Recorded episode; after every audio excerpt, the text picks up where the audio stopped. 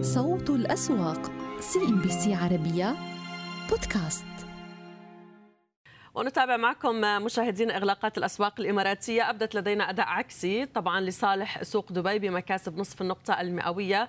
لينهي الجلسه عند 3246 نقطة. سوق العاصمة الإماراتية أبو ظبي تراجع بفارق 14 نقطة عند 8905 وثلاثين. نتابع الأكثر وزنا والمساهمة في دفع هذه المؤشرات إلى هذه الإغلاقات. البداية مع سوق دبي. نجد أنه الموازين الثقيلة اليوم جميعها اتفقت على مكاسب. كان لصالح إعمار العقارية نصيب الأكبر من الارتفاعات بنقطة وثمان أعشار النقطة المئوية وهو يمثل 17% من وزن المؤشر. بنك دبي الإسلامي 19% كوزن وارتفع في المئة. ولدينا بنك الإمارات دبي الوطني بوزنه 20% سجل مكاسب بأربع أعشار النقطة المئوية. ماذا بشأن النشاط وأين استثمرت السوق سهم الاتحاد العقارية ويوم الخامس عشر من ديسمبر سيتم عقد يعني تصويت من أجل اختيار أعضاء مجلس الإدارة الجدد لدينا السهم على مكاسب إلى جانب هذا النشاط. GFH في سوق دبي يستمر أيضا في المربع الأخضر. وجدنا أيضا سلوكه في سوق الكويت على مكاسب وكذلك في البحرين. وإقبال واضح على السهم. الشركة تدخل في شراكة مع وفرة الاستثمارية الكويتية للاستحواذ أيضا في قطاع اللوجستيات شعاع ديار والخليج ملاحة كانت ضمن النشاط. أكبر الرابحين لدينا في دبي.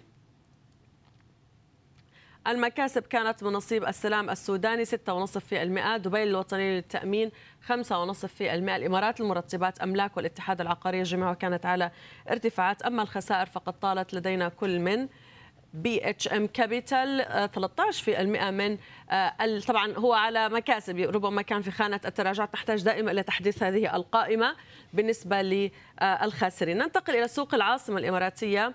أبو ظبي ووجدنا المؤشر كان على تراجع تقريبا ب 14 نقطة المئوية. بنك أبو ظبي الأول لربما هو الدافع إلى تراجع المؤشر بوزنه. 29% تقريبا نتحدث عن 30% ثلث المؤشر على أبو ظبي الأول. وتراجع السهم بقرابة نقطتين وثلاث أعشار النقطة المئوية. الدفع معه المؤشر إلى التراجع. تحسن واضح لدينا في سهم اتصالات ليعود من جديد إلى قائمة الربحية بوزنه. 20% على المؤشر العالمي القابض. 19% وزنه على المؤشر ومكاسب للسهم ب 17 نقطه المئوية. النشاط في سوق العاصمة أبو ظبي. الدار العقارية تصدر المشهد. ولدينا ملتبلاي بحدود 52 مليون ونصف مليون سهم. بنك أبو ظبي الأول سجل أيضا نشاط مصاحب للتراجع. رأس الخيمة العقارية ودان غاز جميعها كانت لدينا على نشاط. أكبر الرابحين في سوق أبو ظبي مع نهاية الجلسة. المكاسب من نصيب ريم الاستثمار قرابة 10% من طبعا لدينا فقط الخانة تحتاج إلى تحديث. بليمت أب كان لدينا الارتفاع على رأس الخيمة للدواجن. وافقت العالمية القابضة الإماراتية والمدرجة بسوق أبو ظبي على اندماج شركتي طموح الاستثمار والقدرة القابضة على أن تستكمل الصفقة من خلال بيع ونقل أسهم شركة طموح الاستثمار مقابل سندات إلزامية التحويل غير مضمونة صادرة عن القدرة القابضة. هذا وقد وافقت إدارة الأخيرة على حد أقصى جديد للملكية الأجنبية بنسبة 30% من الأسهم القائمة. العالمية القابضة بثمان أعشار النقطة المئوية سجلت مكاسب إلى 152 درهم و40 فلس. وقعت أدنوك لتوزيع صفقة, صفقة لتزويد أكثر من ثلاثة آلاف مركبة من أسطول مؤسسة Cars Taxi بدبي بالوقود وزيوت التشحيم سعيا لتلبية احتياجات العملاء. وتتزامن الصفقة مع دخول أدنوك للتوزيع أسواق عالمية جديدة وتوزيعها لمليون ونصف مليون لتر من زيوت التشحيم في كل من أنغولا وجمهورية الكونغو الديمقراطية. أدنوك للتوزيع على الرغم من هذا التوسع في أعمال الشركة لكن السهم متراجع بفارق 1% وعن تحليل أداء جلسة هذا الاثنين ننتقل إلى الزميل أسيد خريسات من داخل سوق دبي. أحييك أسيد. يبقى دبي محتفظ برصيده من الارتفاعات. أبو ظبي واجه اليوم بسبب أبو ظبي الأول تراجع في حركة المؤشر. هل هذا يعني بالضرورة انه القطاع البنكي يستعد للإعلان أو الإفصاح ربما عن تراجع في أرباحه؟ أهلا بك رولا وبالسادة المشاهدين. يعني أذكر خلال تداولات الصباح كان هناك تعليق من الزميل أسامة فيما يتعلق بالسلوك الذي نراه في الأسواق الخليجية بالذات في آخر شهر من كل عام. هو نوعا ما أول أول أسبوع أو أسبوعين نشهد هذه الضغوط البيعية لأنه يكون هناك نفس تقريبا نفس الثبات على قيم ومعدلات التداول اليومية. وبالتالي يتم الضغط عليها وذلك للتجميع. وكما تعلمين رولا هذا ينعكس بشكل إيجابي في نهاية المطاف بالنسبة لأي شركة تحتفظ بموجودات مالية لغرض المتاجرة وتقييمها بشكل إيجابي وبالتالي حتى لو كانت أرباح غير محققة ولكن تنعكس في نهاية المطاف على صافي الأرباح وتظهر في قائمة الدخل لتلك الشركات. وبالتالي ربما هذا نوعا ما يعكس السلوك الذي نراه على بعض الأسهم القيادية في كلا السوقين سواء في سوق أبو ظبي أو في سوق دبي. ناهيك عن أيضا عمليات جني الأرباح التي هي تعد صحية على المدى القريب من وجهة نظر المحللين وذلك بعد سلسلة من الارتفاعات التي شهدتها على الأقل منذ الأسبوع الثاني من من شهر نوفمبر الماضي. وبالتالي كان لابد من أن نشهد هذه عمليات التصحيح على سبيل المثال إعمار العقارية عند عند الاطلاع على تشارت إعمار نشهد بأن بعد أن وصل إلى اعلى مستوياته تقريبا في ثلاث أو ثلاث سنوات ونصف شهدنا عمليات جني أرباح مم. وصل إلى تقريبا مستويات الأربع دراهم و55 ومن ثم شهدنا هذا الصعود مرة أخرى على الأعمار العقارية وهو وهو بالفعل يدعم المؤشر العام لسوق دبي المالي على الأقل نحن نتحدث منذ بداية شهر ديسمبر أو حتى منذ بداية هذا الأسبوع شهدنا هذا الزخم الشرائي على الأعمار العقارية وأيضا دبي الإسلامي. ولكن بالأمس على سبيل المثال الإمارات دبي الوطني شهدنا عليه هذه التراجعات. اليوم نراه في المنطقة الخضراء. وبالتالي هذه عمليات تغيير المراكز وأيضا الشد والجذب بالنسبة إلى بالنسبة إلى الأسهم القيادية وبالذات القطاع المصرفي كما كما ذكرتي هو نوعا ما ربما يكون هذا هو السلوك الذي يعني يفسر تلك التحركات لتلك الأسهم الثقيلة وخصوصا من القطاع المصرفي. نعم. طيب أسيد أنا أذكر جيدا يعني فقط من جلسات محدودة سألتك ليش إعمار ما ما بيعود للخمس دراهم؟ أنت ذكرت بأنه يعني يجب أن نشكر الله بأنه على الأقل عمل الخمس دراهم في وقت سابق. اليوم لامس الخمس دراهم. فهل تجد أنه القيمة مش عادلة بالنسبة لإعمار لا لماذا لماذا وبالذات عمار رولا؟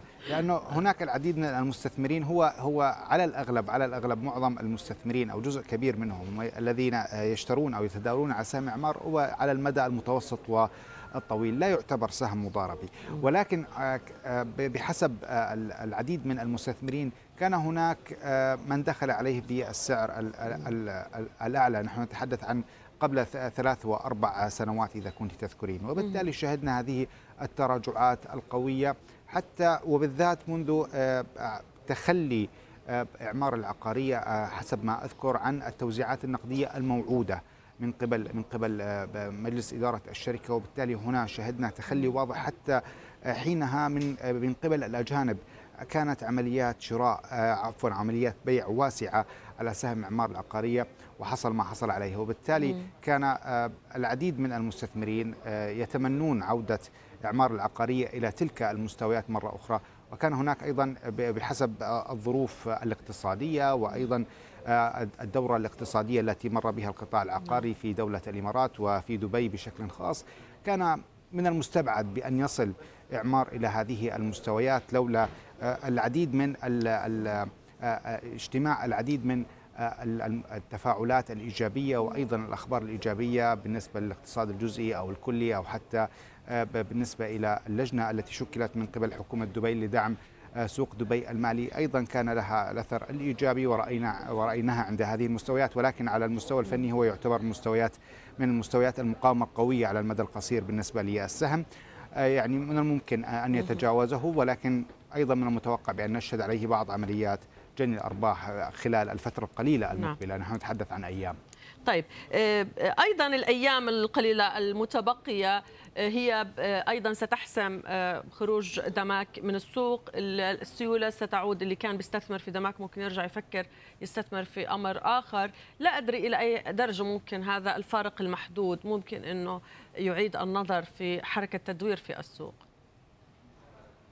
حقيقة دعيني أنقل لك كيف ينظر المستثمرون الحاليون سواء المحليين أو حتى الأجانب بالنسبة إلى بالذات سوق دبي المالي. له ميزة خاصة وذلك بعد إعلان العديد من حكومة دبي إعلانها لإدراج العديد من الشركات سواء هي تقريبا شبه حكومية وحكومية وهي شركات ضخمة أيضا شركات متنوعة يعني ربما تكون أو تنتمي إلى قطاعات غير موجودة في في سوق دبي المالي وهذا يعد يعد تنوع من وجهة نظر المستثمرين وبالتالي ربما يكون هناك نوعا ما الآن هدوء حتى ماذا سوف يتم الإعلان متى سوف يتم الإدراج لهذه الشركات؟ الكل يريد أن ينتهز هذه الفرصة.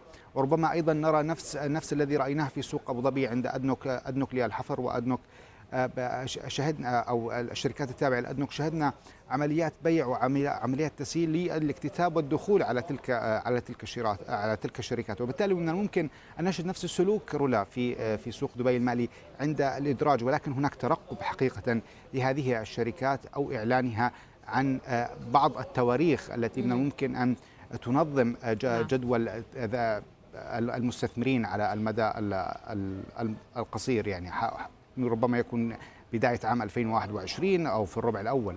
نعم. أشكرك الزميل أسيد خريسات لهذه المتابعة. نلقي نظرة مشاهدينا على الإغلاقات في السوق الكويتي. كيف بدت لدينا في منتهى تداولات جلسة هذا الاثنين. الكويتي العام سجل تراجع بفارق ربع النقطة المئوية وأنهاها على 7013 نقطة. الأول تراجع بفارق ربع النقطة المئوية إلى 7593 والرئيس تراجع ولكن بفارق محدود وأنهاها عند ال 5893 نقطة. آه، الوزن الأكثر الذي برز لدينا على حركة المؤشر طبعا الوطني ب 23% وزن على المؤشر. الأداء كان مرتفع بشكل محدود 20 نقطة المئوية. بيت التمويل الكويتي تراجع بربع النقطة البنك الأهلي المتحد خسر 1% وبالتالي كان لدينا آه، نوع من التأثير على المؤشر بحسب هذه الأوزان. وكانت قد تمكنت شركة الاستثمارات الوطنية الكويتية عبر قطاع الاستثمارات المصرفية من إتمام العديد من الصفقات تنفيذا لاستراتيجيتها الهادفة إلى تعزيز الابتكار الرقمي في المنتجات والخدمات الاستثمارية. كما واستثمرت الشركة مؤخرا في شركة Pipe Technologies المتخصصة في التكنولوجيا المالية والتي شهدت مؤخرا ارتفاع في قيمتها إلى نحو ملياري دولار منذ إطلاقها في عام 2020 وأشار الرئيس التنفيذي لشركة الاستثمارات الوطنية فهد عبد الرحمن المخيزم إلى أن الشركة استطاعت بالشراكة مع شركة التوم Capital زيادة العائد السنوي من 9% إلى 10% سنويا في استثمارها العقاري الواقع في بريطانيا. ونتابع كيف كان الأداء في البورصة القطرية مع نهاية الجلسة. انتهت الجلسة بمكاسب ثلاث أعشار النقطة المئوي ولكنها لم تحرك كثيرا. يعني بقي السوق محتفظ طبعا بمستوياته فوق ال 11600 نقطة بإضافة محدودة إلى حركة المؤشر النشاط والأكثر وزنا الحقيقة بين QNB صناعات قطر. كيف كان الأداء؟ QNB تراجع بشكل محدود. وزنه على المؤشر 15% صناعات قطر وزنه 14% ارتفع ب 20 نقطة. مصرف قطر الإسلامي ارتفع بنصف النقطة المئوية بوزنه 13% على المؤشر. وكانت قد أبرمت شركة قطر للطاقة اتفاقا مع شركة شل للاستحواذ على حصة في اتفاقيتين للاستكشاف والتنقي بمنطقتين بحريتين قبالة السواحل المصرية على البحر الأحمر. وستمتلك قطر للطاقة حصة تبلغ 17% في كل من المنطقتين الاستكشافيتين. وطبعا ثلاثة وأربعة بعد الحصول على موافقة الجهات الحكومية المصرية المختصة. وكانت اتفاقيتا الاستكشاف والتنقيب للمنطقتين البحريتين قد منحتا لشركة شل في أواخر عام 2019 سوق مسقط للأوراق المالية كيف أنهت الجلسة لهذا اليوم؟ مكاسب بنصف النقطة المئوية. وعود بأن آه، تقلص سلطنة عمان من العجز في ميزانيتها. وبالتالي وجدنا بعض نوعا ما الانتعاش في السوق. 4000 نقطة كانت مكاسب السوق آه، أو إلى وصلت إليها السوق بعد هذه الارتفاعات. ماذا عن النشاط والاستثمار في قطاع الخدمات المالية؟ وجدنا عادة السوق على بنك صحاري تشتري على السهم وبالتالي اندفع نحو الارتفاع. مصاحب لهذا النشاط يفوق يعني النشاط اليومي 8 ملايين و600 ألف سهم. بنك مسقط أيضا كان على مكاسب. مصاحبة لهذا النشاط وهو قيادي النهضة الخدمات عمان الاستثمارات والتمويل وبنك نزوة ووعود يعني يبدو أنه بنك صحار ينعش الأمال بالعرض المقدم للإندماج مع بنك نزوة. وكنت قد ذكرت طبعا إنه تأثير آه، الإعلان عن موازنة سلطنة عمان العام 2022 بدأ اليوم على السوق بعد أن أعلنت السلطنة عن موازنتها العام 2022 والتي ترتكز على الحفاظ على المستويات الآمنة والمستدامة للإنفاق العام والاستمرار في رفع مساهمات الإيرادات غير النفطية. نتابع تفاصيل موازنة سلطنة عمان في هذا العرض مع الزميل كريم مسعد.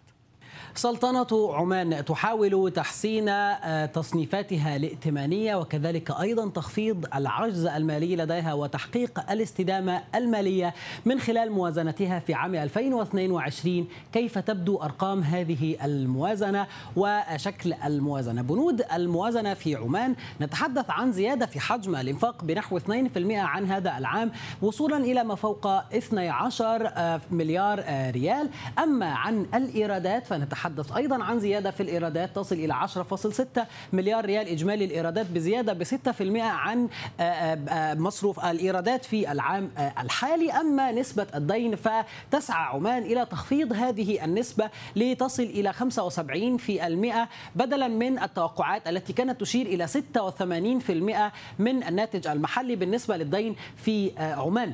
ماذا أيضا عن باقي البنود في الموازنة وتحديدا سعر النفط في الموازنة العمانية. حددت الموازنة العمانية سعر النفط بنحو 50 دولار للبرميل على شاكلة العديد من الدول الخليجية التي تقترب من مثل هذه الأرقام. يعني قطر حددت في موازنتها سعر النفط عند 55 دولار. ربما هي أسعار متحفظة لسعر برميل النفط في الموازنات. وبالتالي نشاهد 50 دولار لبرميل النفط.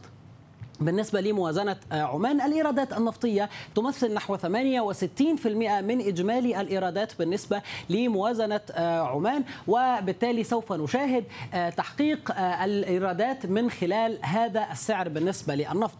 كيف تبدو خطة عمان لتخفيض عجز هذه الموازنة؟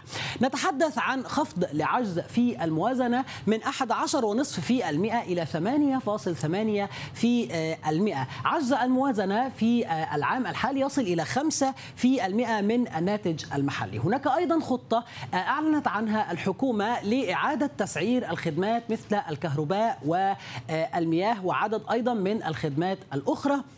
وتبدأ هذه الخطة بداية من العام المقبل 2022 وكانت أيضا عمان قد بدأت تطبيق ضريبة القيمة المضافة خلال هذا العام مما رفع من إيراداتها آه، الضريبية. نتحدث عن الإنفاق الاستثماري فيما يتعلق بعمان في 2022 على العديد من القطاعات ولكن قطاع الطاقة هو الذي يتصدر المشهد ويحصل على 1.4 مليار ريال تتنوع آه، أشكال الإنفاق والقطاعات الخدمات العامة السياسة السياحة اللوجستيات التعدين والغذاء وكذلك أيضا الثروة السمكية فيما يتعلق بهذه القطاعات. ولكن تتحدث عمان في الأخير عن أن هذه القطاعات أو أنها سوف تسعى لتنمية القطاعات غير النفطية لتجنب آه، انهيارات النفط التي حدثت بسبب جائحة كورونا.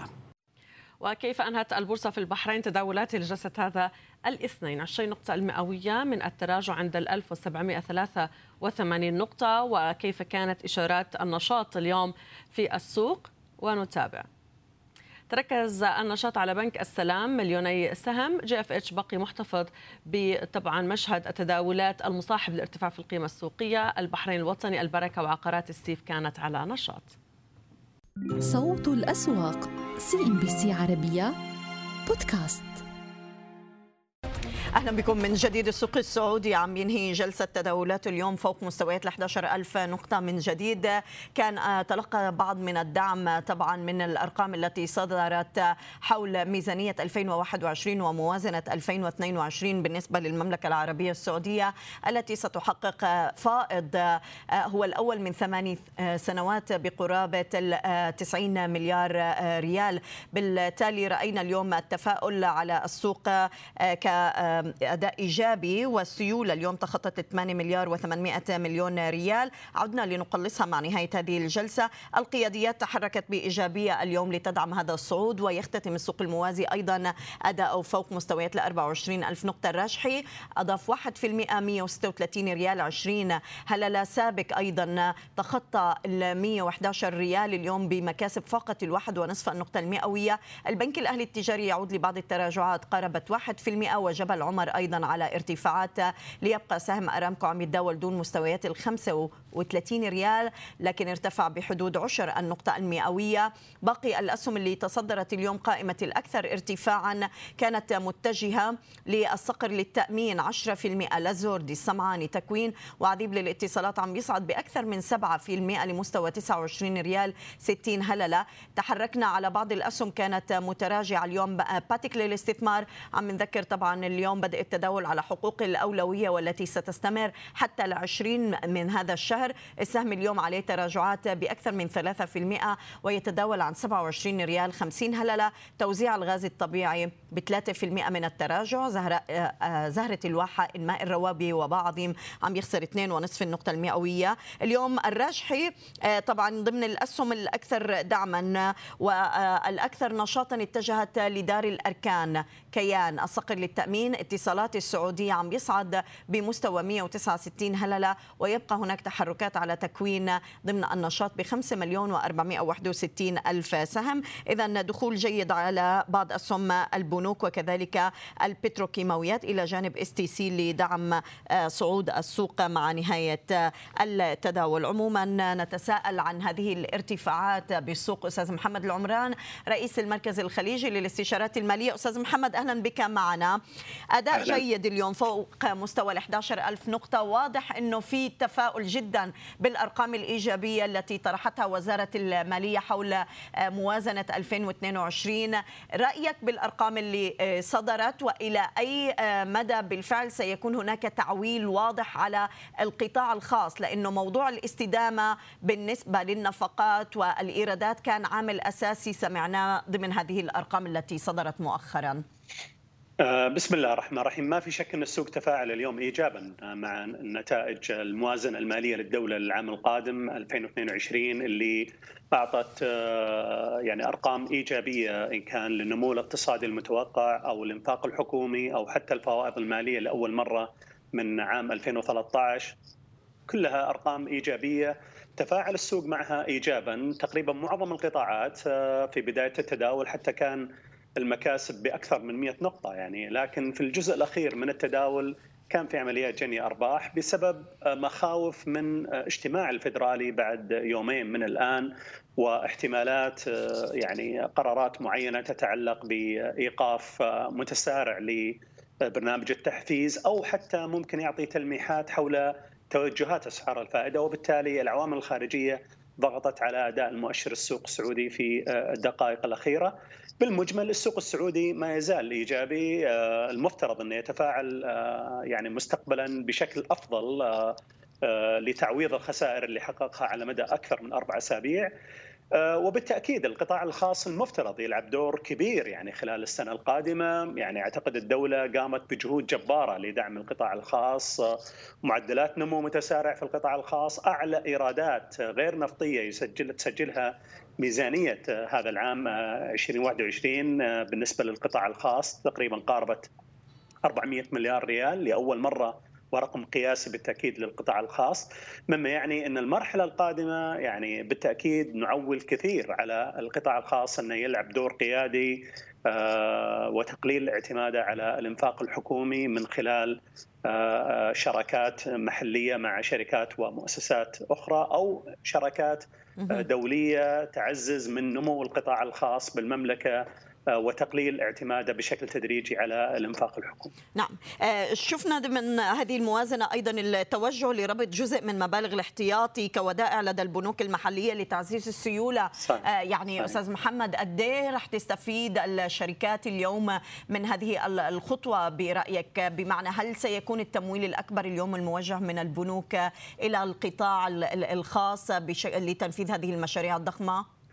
آه، في الحقيقة خطوة مبتكرة من الدولة لأن في السابق يعني على مدى أكثر من 40 أو 50 سنة لما تحقق الدولة فوائد كان يتم إيداعها في بنوك أجنبية خارج المملكة، الآن لأول مرة يتم آه، يعني إيداع الفوائض داخل البنوك المحلية، هذا بدوره حيدعم السيولة، حيدعم البنوك السعودية في عملية خلق النقود داخل المنظومة الاقتصادية في المملكة، وبالتالي آه، هذا ممكن يعني يؤثر على أسعار تكلفة الاقتراض بالريال السعودي للهبوط بدلا من الارتفاع على الرغم من مخاوف حول العالم أن الفدرالي الأمريكي و يعني احتمالات قيامة برفع أسعار الفائدة على الدولار الأمريكي خلال المرحلة القادمة. مما يعني ان نعتبره خط دفاع مهم جدا لقيمه الريال السعودي ولتكلفه الاقتراض بالريال السعودي آه، من خلال دعم البنوك بهذه السيولة الكبيرة، لا ننسى مو بس هذا الموضوع أيضا جزء من آه، الفوائد سيتم توجيهها لصندوق الاستثمارات العامة وأيضا لصندوق التنمية الوطني لتنمية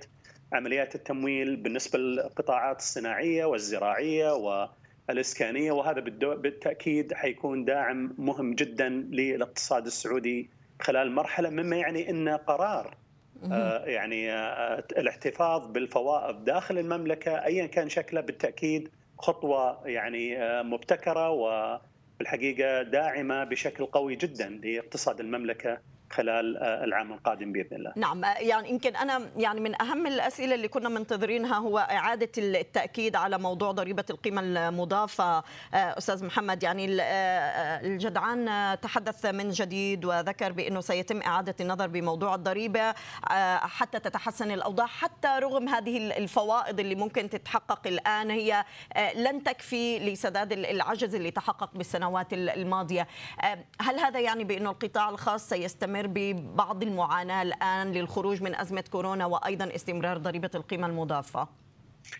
الحقيقة من بالرغم من المطالبات بتخفيض ضريبة القيمة المضافة لكن القطاع الخاص قاعد ينمو معدلات آه، متسارعة مما يعني أن القطاع الخاص يعني آه، لم يتأثر بهذا الرفع آه، الآن توجه إيجابي من معالي الوزير بالإعلان عن نية الحكومة بإعادة النظر في هذه الضريبة وهذا مؤشر إيجابي مما يعني أن لو تم إعادة النظر وتم تخفيضها بالتأكيد حتعطي هي الأخرى دفعة إيجابية للاقتصاد المحلي وللقطاع الخاص بشكل مركز من خلال طبعا عمليات الريتيل أو عمليات التجزئة اللي مرتبطة بشكل كبير جدا مع ضريبة القيمة المضافة. آه، بشكل عام الاقتصاد المملكة يعني المهم في هذه المرحلة أنه يحقق معدلات متسارعة في النمو الاقتصادي إن كان نمو نفطي أو غير نفطي آه، توسع في الإنفاق الحكومي آه، الموازنة العامة وهيكلتها مع تحقيق فوائض مالية على الرغم أن كان المفترض حسب البرنامج التوازن المالي أن نقطة التعادل يتم تحقيقها في عام 2023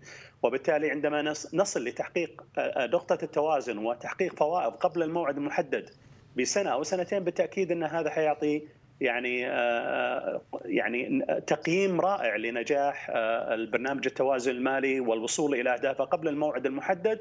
وبالتالي أمامنا يعني آه، تحديات وإصلاحات جديدة للاقتصاد السعودي تختلف نسبيا عن الإصلاحات الأولى حتى نستمر في عملية التطوير وتحقيق الهدف الأسمى للاقتصاد السعودي. اللي هو الاستدامة النمو على المدى الطويل. أه، بملتقى الميزانية عم نستمع لمحافظ الصندوق يعني السيادي سيد ياسر الرميان عم يتحدث عن خطة لاستثمار تريليون ريال بالاقتصاد المحلي حتى 2025 برأيك إلى أي مدى سيبقى صندوق الاستثمارات يعني أه، مسلط الضوء ضمن استثماراته على السوق السعودي محفظته الاستثمارية داخل السوق أستاذ محمد ضمن هذه الاستثمارات؟ طبعا صندوق الاستثمارات العامة عنده سياسة متوازنة داخل وخارج المملكة. هو طبعا آه، معالي يتحدث عن الجزء اللي يتعلق بداخل المملكة وتخصيص هذا المبلغ على مدى الثلاثة واربع سنوات القادمة يعني بالتأكيد يعني المفترض وجهة نظري يلعب دور أكبر يعني صندوق الاستثمارات العامة من خلال الاستثمار المباشر أو غير المباشر داخل المملكة من خلال مشاريع تنموية آه، يقوم فيها صندوق الاستثمارات العامة دور القائد بشكل مباشر. وأعتقد يعني هذا بالتأكيد حيستغل فرص استثمارية مهمة وحيعطي عائد إيجابي وتقليل الفجوات اللي يعانيها الاقتصاد محليا في بعض الأنشطة الاقتصادية من ضمنها على سبيل المثال النشاط الإسكاني من خلال تأسيس شركات عقارية مملوكة لصندوق الاستثمارات العامة تقوم بعمل مشاريع عملاقة يعني تلبي الطلب المحلي في ظل وجود يعني فجوات أو نقص في هذا المجال. إضافة طبعا إلى المشاريع الأخرى في القطاعات الأخرى أعتقد بالتأكيد يعني هو صندوق الاستثمارات العامة هذا دوره الرئيسي المفروض يلعب دور صانع سوق وقائد للاقتصاد المحلي إلى جانب طبعا تنويع استثماراته خارج المملكة في عدة قطاعات ونشاطات أخرى. نشكرك أستاذ محمد العمران رئيس المركز الخليجي للاستشارات المالية. كنت معنا من الرياض. شكرا لك. صوت الأسواق CNBC عربية بودكاست. أهلا بكم من جديد. المؤشرات المصرية تعاود عمليات جني الأرباح بعد المكاسب والمشتريات المحلية التي دعمت الصعود لأعلى مستويات اليوم. شفناه لل EGX 30 عند 11765 عاد ليتراجع بأقل من 10 النقطة المئوية ولكن حافظنا على 11700 نقطة. 70 جنى الأرباح ب 20 نقطة المئوية 2134 نقطة. وال100 تحركات هامشيه بأقل من 10 النقطة المئوية. البنك التجاري الدولي كان متراجع وهو ما أدى إلى عمليات جني الأرباح اليوم بالمؤشرات الرئيسية. ل 52 80 المصرية للاتصالات عند 15 91 كاسر مستوى 16 جنيه. أما إعمار مصر على ارتفاعات وعامر جروب تراجع بأكثر من 1% ل 93 قرش. يبقى النساجون الشرقيون على استقرار عند 58 مع نهاية هذه الجلسة. سودك اليوم عم بيتراجع بمستويات 15 60 بأكثر من 20% طلعت مصطفى اليوم إذا حدود قصوى بالنسبة لتراجع سودك اليوم عم نشهدها. وطلعت مصطفى 88 عم بيخسر 1% الشرقية للدخان تحركات هامشية. والشركة عم بتوقع اتفاقية إنتاج وتوزيع منتج إيفو لاف بالسوق المصرية. هو منتج لا يصنع إلا في ثلاث مصانع حول العالم. سيتم التسعير بالنسبة للعبوة بحدود 32 جنيه كما ذكرت الشركة. يبقى هناك تحركات هامشية صوب الارتفاع على سهم هرمز اليوم عند 14.85 الأسهم طبعا المدرجة بال70 كانت على تباين. بعد عمليات جني الأرباح طالت أبو قير للأسمدة والصناعات عم بيستمر بتراجعاته بعد تنفيذ طرح العشرة في المئة كحصة إضافية بالسوق عند 20.50 عامر جروب العربية لإدارة الأصول أيضا عم بتراجع السهم ب 14 ويبقى هناك بعض المكاسب الطفيفة الإسكندرية لتداول الحاويات والبضائع بقرابة ربع النقطة المئوية. عمق أجواء للصناعات الغذائية من تراجعات اليوم لتقترب من 4 في المئة مع نهاية هذه الجلسة. نتحدث بشكل أوفى حول هذه الإغلاقات. رانيا يعقوب رئيسة مجلس إدارة شركة ريوي لتداول الأوراق المالية تنضم إلينا من القاهرة. رانيا أهلا بك معنا. يعني واضح أنه عند ملامسة ال 11700 نقطة اللي اخترقناها اليوم عادت القوى البيعية وبعض عمليات جني الأرباح لتظهر برأيك مستوى ال 11700 نقطة إلى أي مدى عم بشكل اتجاه صاعد بالنسبة للسوق خلال هذه المرحلة؟ مساء الخير واهلا بحضرتك. زي ما حضرتك ذكرتي بعد صعود المؤشر الرئيسي لمستويات ال 11700 واجتياز هذه المستويات خلينا نقول إن في جزء كبير من السيولة البسيطة اللي بقت بتتحرك في السوق المصري اتجهت على مدار الأسابيع القليلة الماضية حتى أثناء عمليات الهبوط العنيفة اللي كانت موجودة في السوق. كنا ملاحظين إن في عمليات شراء على الأسهم القيادية. يمكن ده انعكس عند ثبات أغلب هذه الأسهم عند مناطق دعومها وصعود السهم الرئيسي أثناء عمليات الهبوط العنيفة وقدر إن هو يتماسك في مستويات ال 50 جنيه. خلال جلسة اليوم شفنا أغلب الأسهم القيادية بتتماسك عند مناطق دعوم بعضها بيستمر في رحلة صعوده زي EFG Hermes اللي كان عندها مجموعة من الأخبار الإيجابية. ما قدرتش إن هي تخصمها مع الضغوط البيعية اللي كانت موجودة في السوق. فيمكن من المتوقع إن الفترة القادمة يبقى في نظرة إيجابية لتحركات سهم EFG Hermes ما زالت أسهم السبعيني عليها ضغوط بيعية عليها مخاوف. بنشوف ده بيتمثل في تحركات الأفراد. بعض هذه الأسهم بتواجه عمليات بيعية وبعض الآخر بنشوف فيه عمليات متاجرة على المدى القصير وارتداد وبيع سريع وتخارج. ما زلنا بنقول إن دور المؤسسات ابتدى يظهر على مدار الأسابيع القليلة الماضيه وده زي ما ذكرنا بينعكس على أداء الأسهم القيادية. طيب اليوم يعني واضح أيضا إنه عم نراقب يعني قطاع الحديد بعد تنفيذ صفقة حديد عزة على حصة حديد المصريين. الشركة رح تسدد قيمة حصة أبو هشيمة كما ذكرت خلال عامين. لكن برأيك مع هذا الاستحواذ رانيا قد رح نشوف منافسة قوية بشركات الحديد خلال هذه المرحلة؟ وإلى أي مدى يعني رح نشوف استكمال يمكن لعمليات الاستحواذ بهذا القطاع بالفترة المقبلة؟